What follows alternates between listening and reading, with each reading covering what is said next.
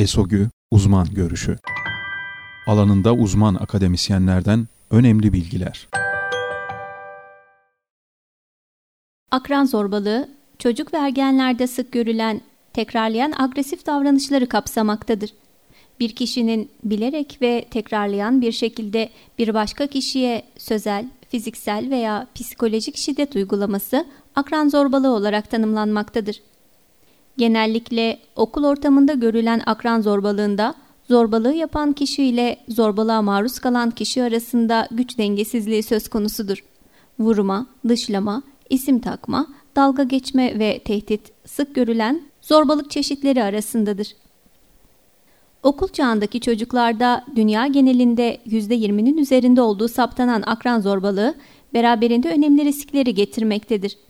Depresyon, kaygı bozuklukları, benlik saygısında azalma, okul devamsızlığı, ders başarısında düşme ve kendine zarar verme davranışı, akran zorbalığına maruz kalan çocuklarda sıklıkla karşılaşılan psikolojik zorluklar arasında yer almaktadır.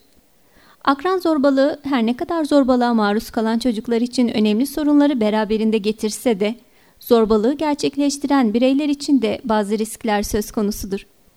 Ülkemizde nispeten yeni bir araştırma alanı olan akran zorbalığı ile ilgili yapılan çalışmalar gittikçe artmaktadır. Yakın zamanda Eskişehir'de ortaokul ve lise öğrencilerinde yapılan çalışmamızda bu çocukların %33'ünün son bir yılda akran zorbalığına maruz kaldığı saptandı.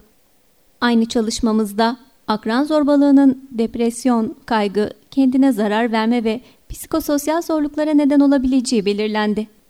Akran zorbalığı ile ilgili belirtilen riskler nedeniyle bu durumun özellikle okul ortamında saptanıp uygun müdahale programlarıyla azaltılması hedeflenmelidir.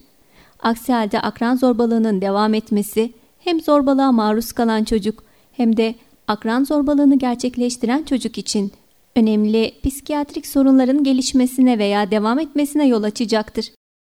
Eskişehir Osman Gazi Üniversitesi Tıp Fakültesi Çocuk ve Ergen Ruh Sağlığı ve Hastalıkları Anabilim Dalı Doktor Öğretim Üyesi Murat Eyüboğlu.